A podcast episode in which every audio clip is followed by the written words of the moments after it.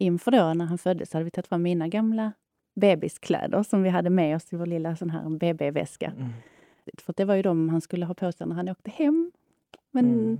helt plötsligt så skulle vi inte hem utan vi skulle vara kvar. Och, så det var ju en jättekonstig känsla liksom att allting vände så fort där.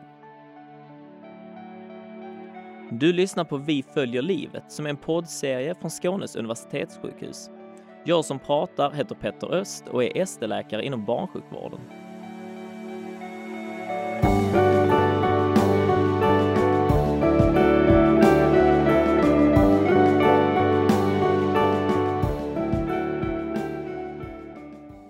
I dagens avsnitt så kommer vi prata om hur det är att få ett barn som är sjukt och behöver opereras och hur det är att stå bredvid som förälder och se när ens barn har ont. Jag har med mig Camilla som är förälder till en son som föddes med en inre missbildning på tarmarna. Hej Camilla! Hej! Och eftersom din son är väldigt liten så vill du inte att vi kallar honom för hans hela namn, för du vill att, vi, eh, att han ska få bestämma när han är gammal nog hur och när han berättar om sin sjukdom. Mm. Och eh, vi har även med oss Pernilla Stenström som är barnkirurg här på sjukhuset. Och du opererar ju väldigt många barn och ibland även när de är så här äh, bara några dagar gamla eller timmar gamla. Men inte bara det, du träffar ju även föräldrarna och möter deras frågor och oro. Mm, det stämmer. Mm. Det är ju en stor del av mitt jobb. Även om man är kirurg så ingår i det kirurgiska jobbet mötet med föräldrarna och barnet både före och efter operationen. Mm. Och att se barnet och lära känna barnet under hela uppväxten mm. för att kunna hjälpa till eh, om det finns kvarstående handikapp. Mm. Camilla, du födde din första son. Visste man om detta på ultraljuden innan han föddes, att han hade en missbildning på tarmarna? Ja, man kan väl säga att han var väldigt efterlängtad. Vi hade försökt att skaffa barn ganska länge. Ehm, så att eh, beskedet att vara gravid var liksom väldigt sådär överväldigande. Och sen så fick vi veta då i vecka 34 att han hade en, ett vidgat njurbäcken. Så det var vi lite förberedda på. Men de andra, eller den andra missbildningen, det hade vi faktiskt ingen aning om. Utan det kom ju lite som en chock. Vad tänkte ni då? Det första var ju det här liksom att någonting var fel. Det var ju jättejobbigt eftersom man hade väntat och längtat eh, och sen så kändes det som att ja, det var någonting som inte stämde då. Men eh, det hann vi ändå liksom lite bearbeta. Det kändes som att eh, eh, personalen runt omkring och så liksom påpekade att det kunde vara liksom, ja, egentligen inget alls. Liksom, någonting som växte bort och det var helt naturligt. Och många pojkar föddes med det här och det var inget konstigt. Så att, eh, det tyckte jag nog vi hade hanterat liksom och var rätt så beredda på. Mm. Förbereddes ni på något speciellt eller hur var planeringen? Ja, vi hade bestämt efter förlossningen så skulle vi då hamna på avdelning 44 för att eh, man skulle titta lite extra på honom och eh, vi skulle få lite så här eh, medicinering för att han inte skulle få urinvägsinfektioner och sådär. Mm. Så att, ehm, det var planerat för det. Förlossningen, gick den bra? Ja, eh, jag gick ju över nästan tre veckor så det var också lite sådär. man var eh, stor och man var ganska känslomässigt eh, det var lite påfrestande där på slutet får man väl säga. När vi väl kom in och så, så um, kände man att nu äntligen ska, händer det. Liksom. Men sen var det ju utdraget och det tog ju två och ett halvt dygn innan han var ute från det att verkarna satte igång och så. Mm. Um, så det var ganska omtumlande, men det var en sån enorm lycka när han kom ut uh, och att han liksom var fin. Mm. Och, ja, det var verkligen fantastiskt.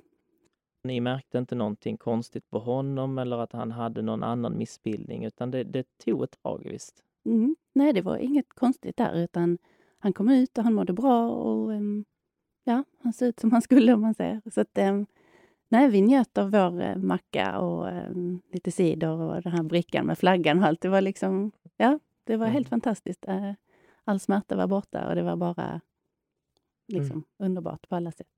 Men hur märkte ni att eh, någonting var fel? Först så hamnade vi då på eh, avdelning 44 eh, där man eh, liksom tittade på honom och jag, precis som med de andra barnen, liksom gjorde en liten undersökning och kollade hjärta och lite annat så. Eh, och allting var OK. Han fick liksom en OK-stämpel där så att vi mm. Eh, skjutsades vidare till ehm, eh, patienthotellet där vi ja, fick ett rum och liksom hade vår lilla låda som han låg i, som vi körde runt med. Åkte ner och åt frukost och sådär. Så det var jättemysigt och familj och vänner var och hälsade på. Vi var väldigt nöjda, men det var någon sån här lite känslan då att um, det var, kändes inte riktigt eh, hundra liksom, för han klöktes och kräktes ganska mycket. Och man var lite sådär förstagångsförälder och mm, visste inte riktigt vad som var rätt och fel. Men det kändes ändå som det var någonting som han inte var riktigt nöjd med. Mm. Var det att han, han klöktes och kräktes? Skrek han eller hur? Nej, men gnydde tyckte jag nog. Liksom. Det var inte mm. så att han var ledsen, men han liksom kom inte till ro. Och sådär. Och sen hade man ju hört mycket det här med amning och så, att det kunde vara svårt att få det att funka. Så vi fick liksom lite stöd och hjälp med det och så, men det, ja, det var liksom inte riktigt... Eh, jag var inte riktigt nöjd. Eh, och vi fick höra att det kunde vara att han hade svalt mycket fostervatten och så, så det var nog därför han klöktes. Och, mm. så, så att, eh, men det var väl orosmomentet då. Ja, liksom. Var det någon som upptäckte att det var något som inte stämde?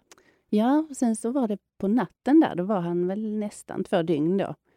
Um, precis, vi skulle åka hem på morgonen, så man märkte att någonting inte stod riktigt rätt till. Liksom. Att, um, så då var där en inne och tittade på honom från patienthotellet där um, och sa inte så mycket. Utan, um, var det en läkare då som var undersökt honom? Nej, då var det först en personal där. Mm. efter det så kom där, sa hon att Nej, men vi ska tillkalla någon läkare som kommer och tittar på honom också.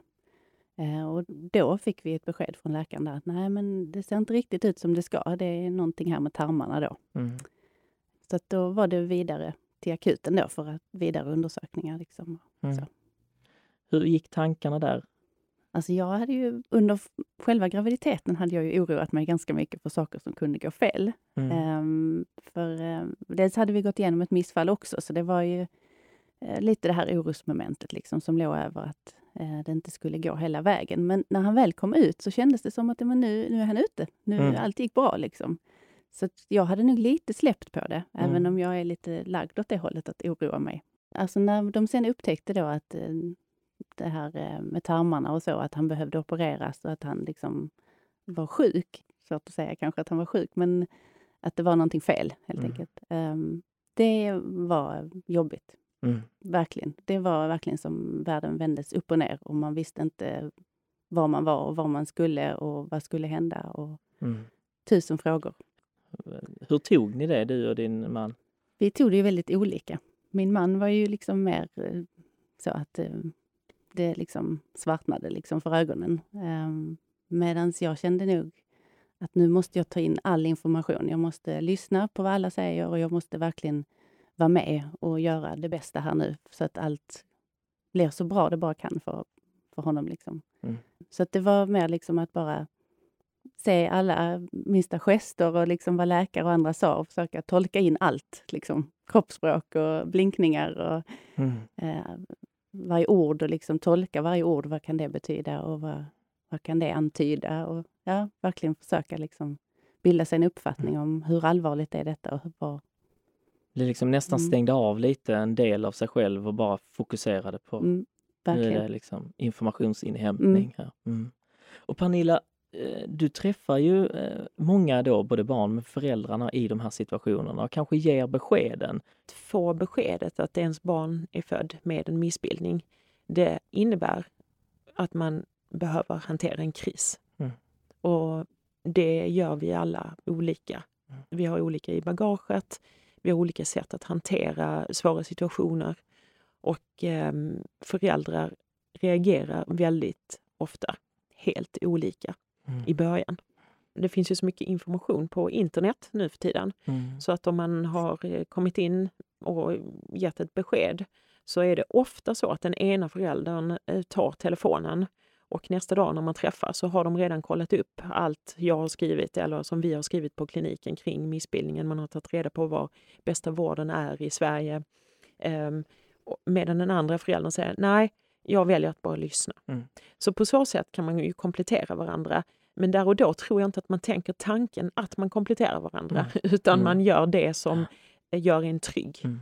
Och vad hände sen första kvällen här och ni fick mycket information och vad skedde sen?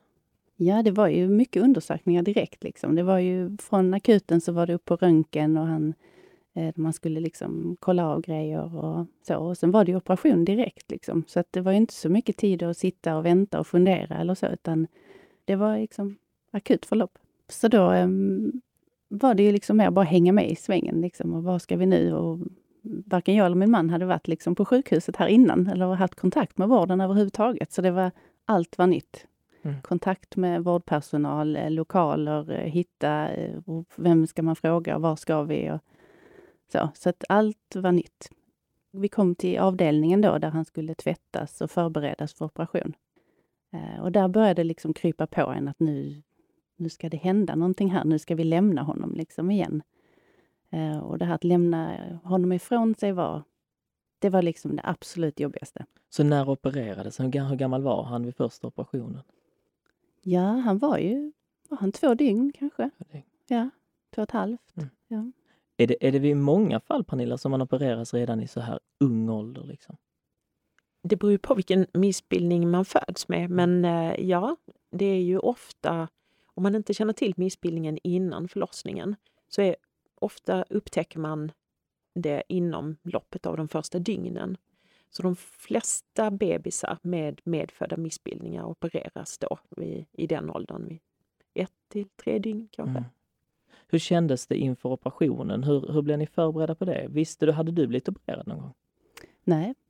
Eh, som sagt, vi hade inte överhuvudtaget haft någon kontakt med mm. vården, mm. så att vi... Eh, det var liksom helt overkligt. Inför då, när han föddes, hade vi tagit fram mina gamla bebiskläder som vi hade med oss i vår lilla sån här BB-väska. Mm. Eh, och de skulle han ju ha på sig. Liksom. Eh, och då vet jag, när vi var på avdelningen då och tvättade och gjorde vi honom, så tog man på dem så länge då ju. Och det var ju liksom jättekonstigt, för det var ju de han skulle ha på sig när han åkte hem. Men mm. helt plötsligt så skulle vi inte hem, utan vi skulle vara kvar. Och, så det var ju jättekonstig känsla, liksom, att allting vände så fort där. Fick ni vara med under operationen? Nej, sen var det ju själva överlämnandet som var um, det absolut svåraste. För då var han ju tvättad och han var så fin och liksom man hade eh, verkligen liksom kände ju så himla starkt band. Eh, och så, så skulle man då lämna det här till lilla barnet då, till eh, dem på operation då. Eh, och just det överlämnandet tycker jag nog fortfarande idag är liksom varit det svåraste jag någonsin har gjort.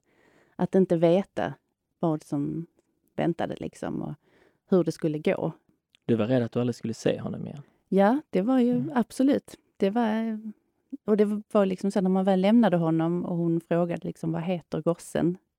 Och vi hade inte bestämt något namn. Mm. Um, men där och då tog vi beslutet. Um, vi liksom, det var bara en blick så mellan mig och min man, så bestämde vi namnet mm. där och då. Liksom. Och sen så var det ju dörrarna stängdes och så stod man bara där. Det var liksom en sån där grej som man... är helt overkligt och mm. bara helt fruktansvärt. Mm. Att, uh... Får jag säga en sak där? Jag tycker att ju längre tid jag har jobbat, desto mer uppenbart är det att vid det mötet, i den krissituationen, så finns det oftast, inte alltid, men oftast i rummet finns egentligen bara en fråga. Och det är, kommer barnet att överleva? Mm. Eh, men det är inte sagt att man ens har formulerat frågan för sig själv. Man har bara känslor, är rädd för det. Och där är jag fortfarande väldigt osäker och försöker känna in med föräldrar. Ibland så säger jag att många föräldrar undrar om han eller hon kommer att överleva. Och då är det ju så här att i vår värld, så eh, när man är född med en tarmmissbildning eller någon annan missbildning som vi opererar på barnkirurgen, så, så är det så osannolikt att de inte överlever så att vi inte ens tänker på det. Men sedan är vi ju inte eh, ytterst bestämmande i liv och död, eh, tack och lov. Men eh, det, är, det är inte alls troligt att han, in, att han dör, men de flesta barn går det här jättebra för och ni kommer få träffa honom om, och så brukar det hjälpa föräldrarna också, att man säger operationen tar två timmar, men förberedelserna innan och efter gör att från det ni lämnar honom så kommer det ta sex eller sju timmar innan ni kan träffa honom igen. Men det här som Pernilla beskriver också, kommer han leva eller kommer han dö? Mm. Var, var det det som cirkulerade i huvudet? Eller? Ja. Absolut. Eh, för sen gick vi ju tillbaka till patienthotellet, för det var ju det här alla de här timmarna, vad ska man ta vägen under de timmarna? Mm. Vad ska man göra med sig själv? Man vill ju liksom bara försvinna de timmarna och Man hamnar i något sån här vakuum. Mm. Eh, och så gick man tillbaka till patienthotellet och så gick alla med sina små baljor där, liksom, med små bebisar i. Och så hade vi ingen längre. Eh, och så skulle man gå upp och så satt man på rummet lite. Liksom. Det var, ja, den väntan där var ju liksom olidlig på något sätt. Och, och det här att man inte visste var man skulle ta vägen. Och man, bara, man satt och kollade klockan och man satt och tittade på sin telefon. Och man liksom, och egentligen blev det ju värre ju närmare man kom att de skulle ringa. Man liksom, vilket besked skulle man få? Mm. Hade det gått bra? Hade något gått fel? Att liksom få det över telefon. Så man ville ju liksom egentligen bara vara med hela mm. tiden och sitta bredvid, även om det är helt omöjligt. Men kände mig trygg med Pernilla. Liksom. Att, ja, men det kändes eh, tryggt liksom, att um, det var en person som dels kunde förklara väldigt enkelt och tydligt där vad det var som gällde. Mm. Vilket skeende som man hade att vänta. Och mm. så. så det kändes tryggt. Även om vi aldrig hade träffats innan så känns det bemötandet där och den tiden, den korta tiden där, eh, var ändå väldigt viktig. Men det här du beskriver, att, gå, att lämna sitt barn där som bara är några dagar gammalt och gå iväg. Eh, och sen har din son, det vet jag att han har opererats flera gånger. Mm. Har du lärt dig att hantera de här situationerna? Det hade man ju hoppats, att det hade liksom blivit lättare. Och visst, det är inte samma sak, för det här första överlämnandet som skedde där, det liksom var väldigt speciellt och på något sätt eh, kommer alltid liksom att sitta kvar igen. Men varje gång ändå det är något så, man ska lämna iväg och det är något ingrepp, så är det den här ovissheten eh, som sätter in och som gör att man liksom ändå eller i alla fall jag sätter igång tankar att man liksom funderar över saker som kan gå fel. Mm. Sen är det säkert olika från person till person, men för mig är det så att jag liksom sätter ju gärna upp så här värsta scenario och mm.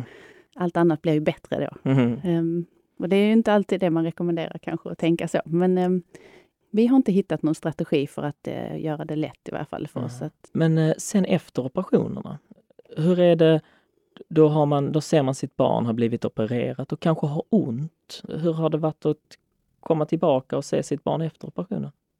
Ja, första beskedet var att allting har gått bra, vilket vi har haft tur, liksom, att det har gått bra efter varje operation. Det har ju varit liksom fantastiskt att bara så veta att det har gått bra och att han liksom är på uppvak nu. När vi har kommit tillbaka så har han sovit liksom. och då har man ju känt att ja, men, han sover, han har inte ont, liksom, han har det bra och allting har gått bra. Ehm, men sen har det ju varit tillfällen efter operationerna där det sen liksom har tillkommit eh, då smärta eller annat. Som, där det har också varit jobbiga perioder liksom, när man inte riktigt har vetat heller hur man ska hantera det. Liksom. Mm. Och nu tänkte jag vi kunde lyssna lite på vad Elisabeth Norman som är neonatolog, vad hon har att säga om eh, smärta och hur man ska tänka kring det.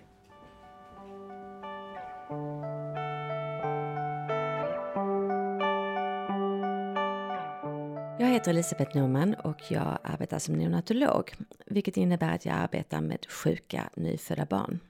Det kan vara barn som föds för tidigt eller stora fullgångna barn som föds sjuka eller blir sjuka i samband med eller dagarna efter förlossningen. Barn ser olika ut beroende på hur mogna och hur sjuka de är. De större barnen de skriker och viftar med armar och ben och påkallar på detta sätt uppmärksamhet barn som föds för tidigt. De har inte riktigt den kraften och möjligheten att visa sin smärta och reagera istället med att bli bleka och slappa och inaktiva. Och samma bild kan också ses hos de större barnen när de blir riktigt sjuka. Det här kan ibland misstolkas och eh, som att barnen sover lugnt. Och då kan de riskera att bli otillräckligt behandlade för sin smärta. Vi har därför rutiner att regelbundet titta på barnen eh, på sjukhuset och och eh, skatta dem med hjälp av speciella, smärt, eh, speciella validerade smärtskattningsinstrument för att vi inte ska missa deras smärta. Man ska i första hand försöka hjälpa barnen med stödjande omvårdnadsåtgärder. Det är närhet och det är tröst. Om inte detta hjälper, då är det, eller om det är så att det är självklart att barnen har ont, som till exempel efter en operation, då ska man också i kombination med de här stödjande omvårdnadsåtgärderna och närheten utav bland annat föräldrastöd också ge smärtstillande medicinering i lagom och tillräcklig dos. Vi använder många gånger samma mediciner som till äldre barn och som till vuxna patienter. Och så korrigerar vi ner doserna utefter vikt och eh, utefter mångårig erfarenhet av de här läkemedlen även till barn. Föräldrarna har en väldigt viktig uppgift i att försöka finnas nära barnen och ge dem tröst och trygghet. Barn känner igen sina föräldrars röster och lukter och händer och blir då betydligt mindre stressade. Alla barn ska om möjligt få ligga nära, väldigt gärna hud mot hud, hos sina föräldrar även när de är sjuka och ligger på sjukhus. Många föräldrar blir helt förståeligt väldigt oroliga och de upplever att de är maktlösa när de inte kan trösta sitt barn. Det är viktigt att föräldrarna då får information om barnets tillstånd och ges möjlighet till närvaro och delaktighet i omvårdnaden av barnet. Det finns en del studier som talar för att barn som upplevt mycket smärta, intensiv smärta och upprepad smärta, att de kan få ett så kallat smärtminne och utveckla en lägre smärttröskel och en, hög, en ökad smärtupplevelse eh, än vad man normalt sett har. Eh, det finns inga långtidsstudier så det finns ingenting som talar för att detta kvarstår senare eller längre upp i livet.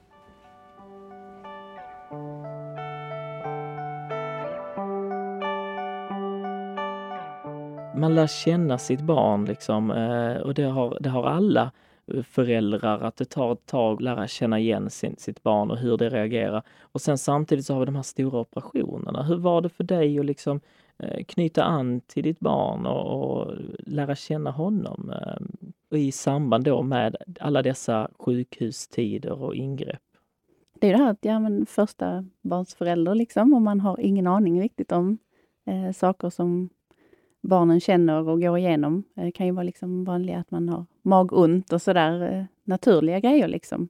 Eh, men svårigheten har väl varit liksom att veta, är det någonting som har med hans missbildning att göra eller är det någonting som är helt naturligt? Har han bara ont i magen liksom efter att ha ätit eh, magknip eller sådär? Eller är det någonting som kan vara något annat? För ni kom hem efter ett tag från operationen och var hemma. Jag tänker att de här frågeställningarna är en sak om det händer på sjukhus och man har lätt att fråga en personal, men när man är hemma, hur tacklade du det då? Hur, hur gjorde ni då? Ja, för första perioden var vi ju ganska mycket på sjukhuset. Mm. Man var inlagd liksom i perioder och så. Då var man ju lite trygg med det att man kunde fråga personal. Det kom ju läkare och det var sjuksköterskor och så. Så det var nästan lite sådär läskigt att åka hem mm. när man hade varit på sjukhuset så länge där, liksom, för det var en sån trygghet. Liksom. Här är det någon som han är uppkopplad eller man har full koll. Mm. Eh, men när man åker hem så kände man sig lite så men nu ska bara vi veta här nu. Mm. Liksom, och komma tillbaka om det är någonting som eh, någon urinvägsinfektion eller något annat som tillstöter. Liksom. Mm. Och hur ska vi veta det? Mm. Så det var lite läskigt faktiskt när mm. man åkte hem. och Just det här att man har inte koll i vanliga fall på hur man tar hand om ett barn.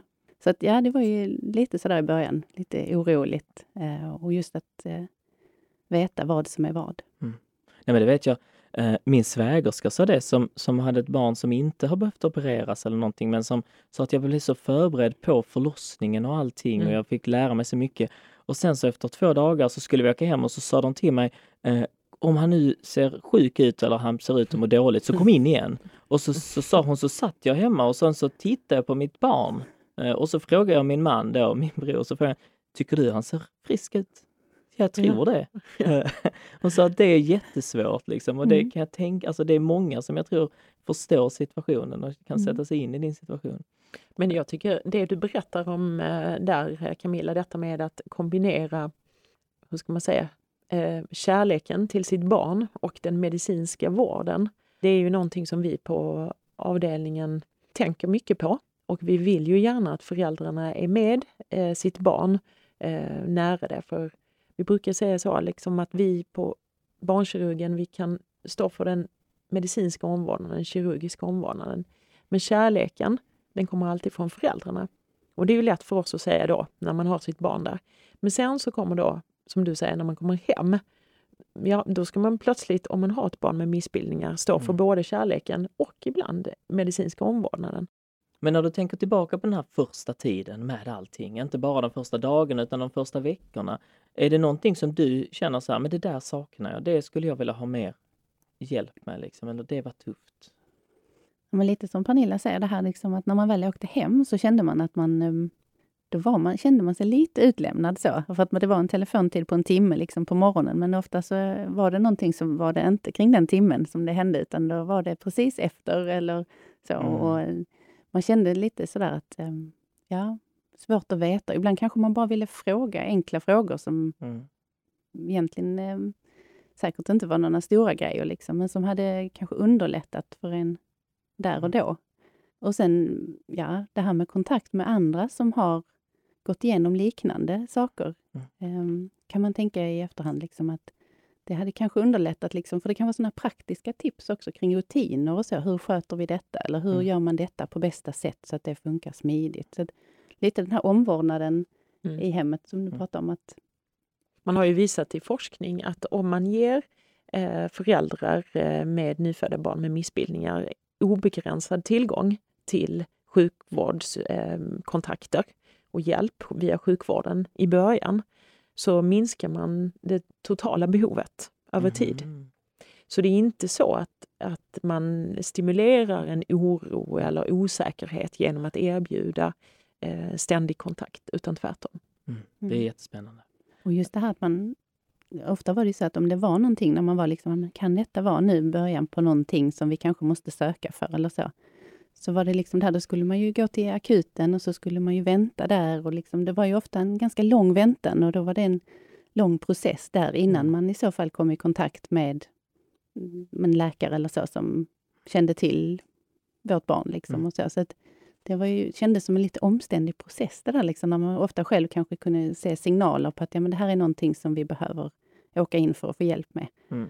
Så kände man lite att man gick en sån här omväg, liksom, att det kunde ibland kännas lite omständigt och Fick du något stöd? Kunde du prata med någon direkt här? Eh, hur, hur gick det de första veckorna? För det är ju en kris som vi säger man går igenom. Kommer du ihåg hur, den, hur du tacklade den? Liksom, fann ni stöd hos varandra, du och din man? Eller eh, hade ni stöd från någon eh, samtalsstöd? Eller hur, hur gjorde ni? Vi pratade ju, det blir ju automatiskt så, man pratar mycket emellan sig. Och jag tror det stärker ju lite ens förhållande. Det kanske kan gå på åt båda hållen i och för sig. Men ehm, hos oss så blir det liksom ändå att man, man bygger upp ett, ska man säga, en, ett band emellan sig som är helt unikt liksom, och som ingen annan kan... Det är erfarenheter som bara vi två har gått igenom, som har stärkt oss i vårt förhållande. Men det vet man ju också, ja, man hör från andra liksom, att det kan också vara åt andra hållet.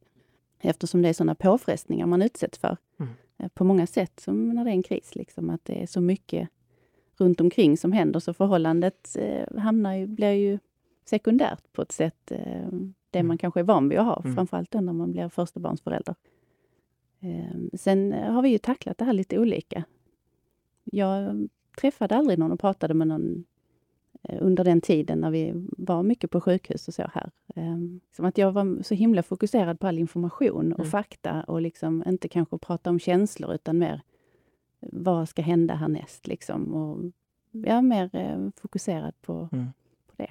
Men tror du att, det, att du behövde det för att hålla samman eller tror du att det hade varit hjälpt att ha något samtalsstöd redan där tidigt? Ja, alltså hade man liksom blivit kontaktad av någon eller liksom så att någon hade kanske sträckt ut en hand och erbjudit det där och då, eh, så tror jag nog att jag hade uppskattat det. Om mm. jag tänker i efterhand så här att jag vet att jag och min man pratade om att man kan liksom det finns personal här liksom på sjukhuset som man skulle kunna prata med. Mm. Jag vet att jag tänkte att nej, det mm. behöver inte jag. Mm. Det... Hur var det att stå och se sitt barn ha så ont och stå bredvid? Ja, det är också en frustration liksom i att inte kunna göra något och inte kunna påverka och inte kunna veta heller alltid vad det är som händer eller vad det beror på. Så att um, man känner sig ju um, väldigt hjälplös på något sätt ja, många gånger har man ju tänkt till exempel att oh, om man bara kunde byta plats. Liksom. Att man, man skulle ju så mm. gärna vilja bara mm. eh, ja, få låta dem liksom, mm. ha det bra och inte behöva gå igenom de här jobbiga perioderna liksom, av eh, smärta eller undersökningar eller andra saker som man ska liksom inte friska barn går igenom utan som mer äter och sover och eh, så. Så att det, det smärtar ju en liksom Dels mm. att eh, se sitt barn gå igenom det, men också att inte kunna göra något åt det. Mm. Jag får uppfattningen om att du känner din son ganska väl nu och kan se på honom när han har ont eller inte har ont. Men att, hur lång tid tog det för dig att lära känna din sons signaler och se på honom hur han mådde? Det tog ändå ett tag. Um, jag tycker nog att um, någon månad där innan man liksom mer kunde märka, liksom, man kunde se att det här är um, helt naturligt. Det är ju så när han har ätit det här. Eller så här brukar det bli någon timme efter. Sen eh, man tänker just kring smärta och när han hade ont av någonting som där det inte stod rätt till. Mm. Eh, det var ju svårt liksom i början eftersom man inte visste riktigt. Det var ju mycket undersökningar som gjordes där för att ta reda på olika saker i kroppen och hur det såg ut och hur man behövde behandla och så. Så det var så mycket frågetecken i början och man visste inte hur saker hängde ihop alltid. Och Fick du mycket stöd av vårdpersonalen eh, i, i det här liksom, eh, hur man tacklade att han hade ont? Liksom? Alltså, men, hur ni skulle lindra, på vilket sätt man skulle lindra och kände du att, att han fick smärtlindring i den mån han behövde? Ja, jag kände väl att eh, när det var så, ofta var han ju uppkopplad så man kunde se, man lärde sig ju själv också titta lite på de här apparaterna och vad olika värden stod för och så. Så dels så tittar man ju på det, men också så att man märkte på honom att liksom han var ledsen eh, när han hade ont liksom, och att han var otröstlig och så. Och ofta tyckte jag att vårdpersonalen tog det ju på allvar. Liksom, och man försökte liksom hitta mm. vad är det liksom här som inte stämmer och vad kan vi göra åt det. Mm. Sen svarar han väl inte alltid på, mm, ibland då just vad han fick, smärtlindringen som, det var det också att hitta rätt väg för honom. Mm. Vad funkar liksom bäst på honom? Så att, eh, men just det här att stå vid sidan om och inte kunna göra något och inte veta vad är det bästa. Liksom. Vad mm. beror det på? Vad är det bästa sättet att då... Um... Och där tror jag ju att du också känner av att man även som kirurg och medicinsk personal eh, ska tolka de små bebisarna. Mm. Har man en vuxen person eller ett äldre barn så kan man be dem smärtskatta 1 till 10 eller säga att man har ont och vill ha mer smärtlindring. Men eh, en bebis som är några dagar gammal eller någon månad eh, får man tolka. Mm. Och det är dels som du säger då Camilla med uppkopplingen, att titta på hur kroppen mår fysiskt och sedan se på, på barnet hur, hur det beter sig. Sedan är det ju svårt för ett barn som är hungriga eh, och har en kombination av smärta eh, kan bete sig på sätt som vi inte alltid förstår. Och bebisar är precis som vuxna människor, som du säger Camilla, att viss smärtlindring funkar och annan funkar inte på en och, och tvärtom på en annan. Så det måste man anpassa efter hur man tolkar barnet. Detta är ju någonting som är jätteviktigt att forska mer kring. Läkemedelsdoser, olika läkemedel på små barn mm. som inte har mogna kroppar eh, måste vi lära oss mer mm. om. Och jag tänker på i mitt jobb, eh, bland det svåraste jag vet är att bli uppringd mitt i natten och, och eh, eh, av personal från en, då en för tidigt född avdelning. Eh, eh där nyfödda eh, ligger och eh, personalen tycker att nej, han, han känns missnöjd. Det är någonting som stör honom. Eh, och då är det svårt att veta, har han ont? precis som du säger. Liksom. Och det tycker jag är bland det svåraste jag vet och det är väl just för att vi vi dels vi vet mycket men vi vet inte allt. Uh, och att man får, man, man får titta på parametrar och titta på och lära sig och se olika barn. Jag brukar tänka ibland att jag tittar på barnen redan när jag börjar så att man har någonting att utgå ifrån eftersom alla är olika. Och sedan är det ju också så när man gör kirurgi eh, så gör olika kirurgi olika ont efteråt. Och det är ganska mm, standardiserat kan man säga, lika när man blir äldre. Men på bebisar så eh, funkar inte kropparna med smärta likadant. Eh, smärtsignalerna funkar kanske inte samma, uppfattningen är inte likadan. Men eh, det som vi ser det är att när man har opererat till exempel i bäckenbotten så gör det väldigt ont mm. ofta. Och Eh, man kan ha svårt att smärtlindra de barnen helt och fullt ut. För att där går balansgången väldigt fint till att de inte orkar andas själva om man ger för mycket läkemedel. Camilla, när du eh, tänker på alla de här eh, månaderna och de första åren med Albin och du tänker på kontakten med sjukvården. Hur var det liksom att, eh, kände du att eh, det var hela tiden en bra kontroll. Fanns det frustration? Är det något du ångrar i din kontakt med vården eller hur du liksom eh, tänkte kring allt det här? Jag tycker ändå att jag alltså var positivt överraskad. Um, om man tänker nu i efterhand, när man är uppe i det så har man så mycket tankar och känslor. Så, men i efterhand um, så är, är, man ju så enormt tacksam. Uh, och um, att mycket var väldigt, funkade var smidigt liksom. Att man, uh, många kontakter och så funkade väldigt bra. Sen ibland kan man ju känna i vissa situationer att man kanske skulle stått på sig lite mer. Att det är någonting man ändå kanske lite har lärt sig genom resan. Liksom. Ja, det är det, man är lite utlämnad Eh, saker sker ju inte liksom kanske alltid att man har bestämt att nu kommer det här, när man, just när man är inlagd, tänker jag. Att nu ska vi göra det här om, liksom, imorgon klockan tio eller vi ska göra det här imorgon klockan två. Utan eh, saker händer och just med en liten bebis så är det ju mycket så att ja, de äter och sover och så. Ofta mm, sådär man ska sticka eller sätta nålar eller så. att eh, hade barnet då precis ätit och precis somnat och kommit till ro efter kanske lite, haft det lite turbulent liksom, så så ja, nej, nu ska den här undersökningen göras och nu ska vi sticka och vi ska göra det här. Liksom och så. Och ibland när det kanske då inte fungerade heller med att sätta nål eller så som det var eh, svårt just med vår son.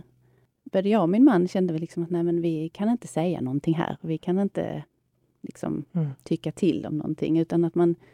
Eh, Har du ja. något exempel på eh, en, en faktisk händelse när du känner så här i efterhand att nej, men det där kändes inte bra?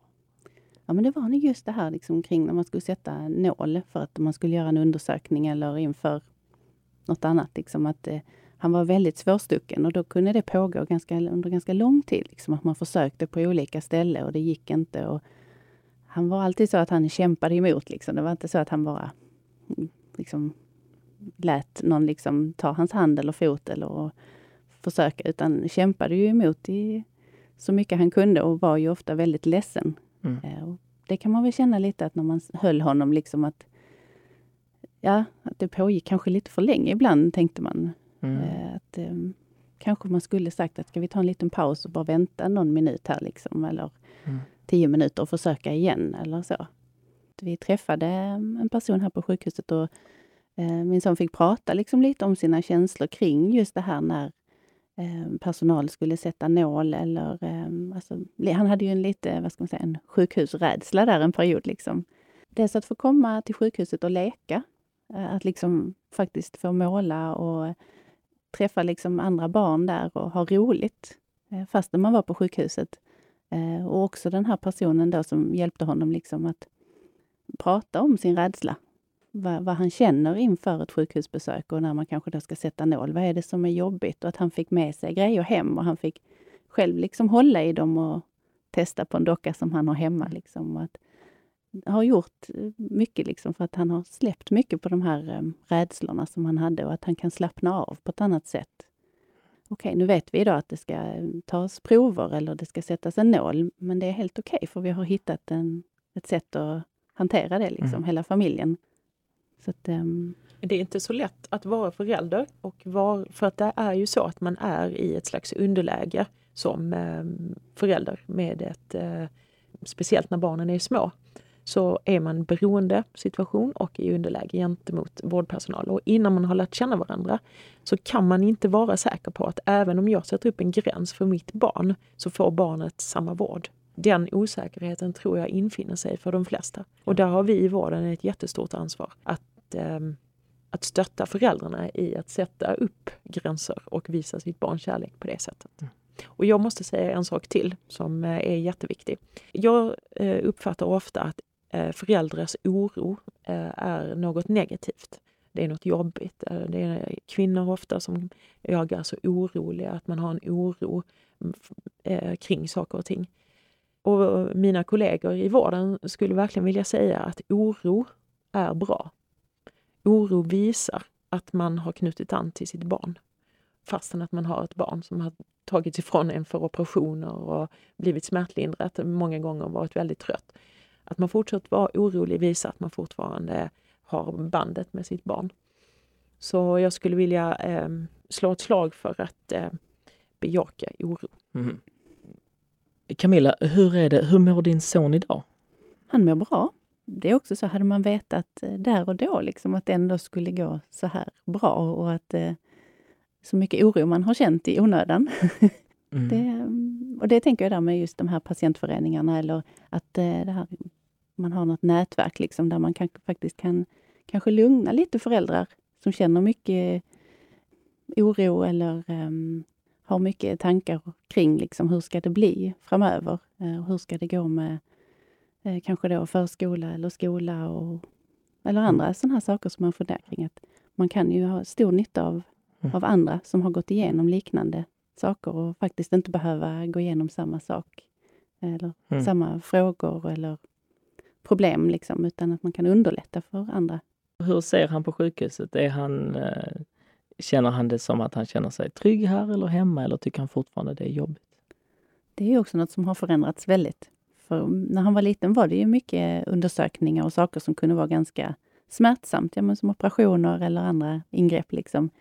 Eh, och ett tag var han ganska kände obehag liksom, av att eh, komma i en sjukhusmiljö.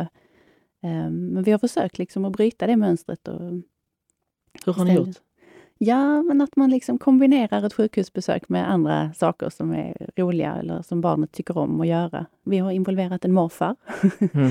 som har tagit ett stort ansvar um, och liksom har gjort det till en grej. Liksom. Så nu är han ju med. Åh, oh, vad roligt! Vi ska liksom, iväg, vi ska ha en dag tillsammans. Mm. Eh, och sen blir sjukhusbesöket en del av det, men mm. att det också händer andra saker som, som han uppskattar. Så mm. att, eh, idag är det inga problem att åka hit och så.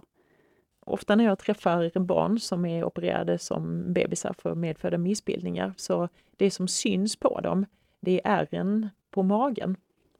Och många föräldrar berättar att eh, mitt barn eh, tycker det är så bra att få leka med någon annan som också har ärr på magen. Ehm, har du några tankar kring detta med ärren på magen? Hans ärr syns inte så mycket, så jag tror inte han, han knappt uppmärksammar dem själv. För att de har liksom bleknat bort lite också. Så att de, däremot så när vi skulle prata inför hans, när han skulle börja förskoleklass och så och prata lite om liksom att um, alla är olika och att man kan ha gått igenom olika erfarenheter i livet. Och, um, så, så hade vi en liten genomgång om just um, det med barnen på hans, i hans klass. Eh, och då visade han stolt upp sina ärr. För då, mm. då var det liksom tecken på att han har gått igenom saker, han har fixat det. Mm. Och vi har väl lite pushat honom där också till att tycka att han faktiskt en stark kille som mm. har fixat det här så bra liksom och mm. gått igenom saker som inte kanske alla andra barn gör. Tack så hemskt mycket Camilla för att du delar med dig av din historia. Och tack Pernilla för att du var här med alla fina och bra frågor och inlägg. Du har lyssnat på poddserien Vi följer livet från Skånes universitetssjukhus. Du hittar andra avsnitt av serien där poddar finns och jag hoppas att vi hörs igen.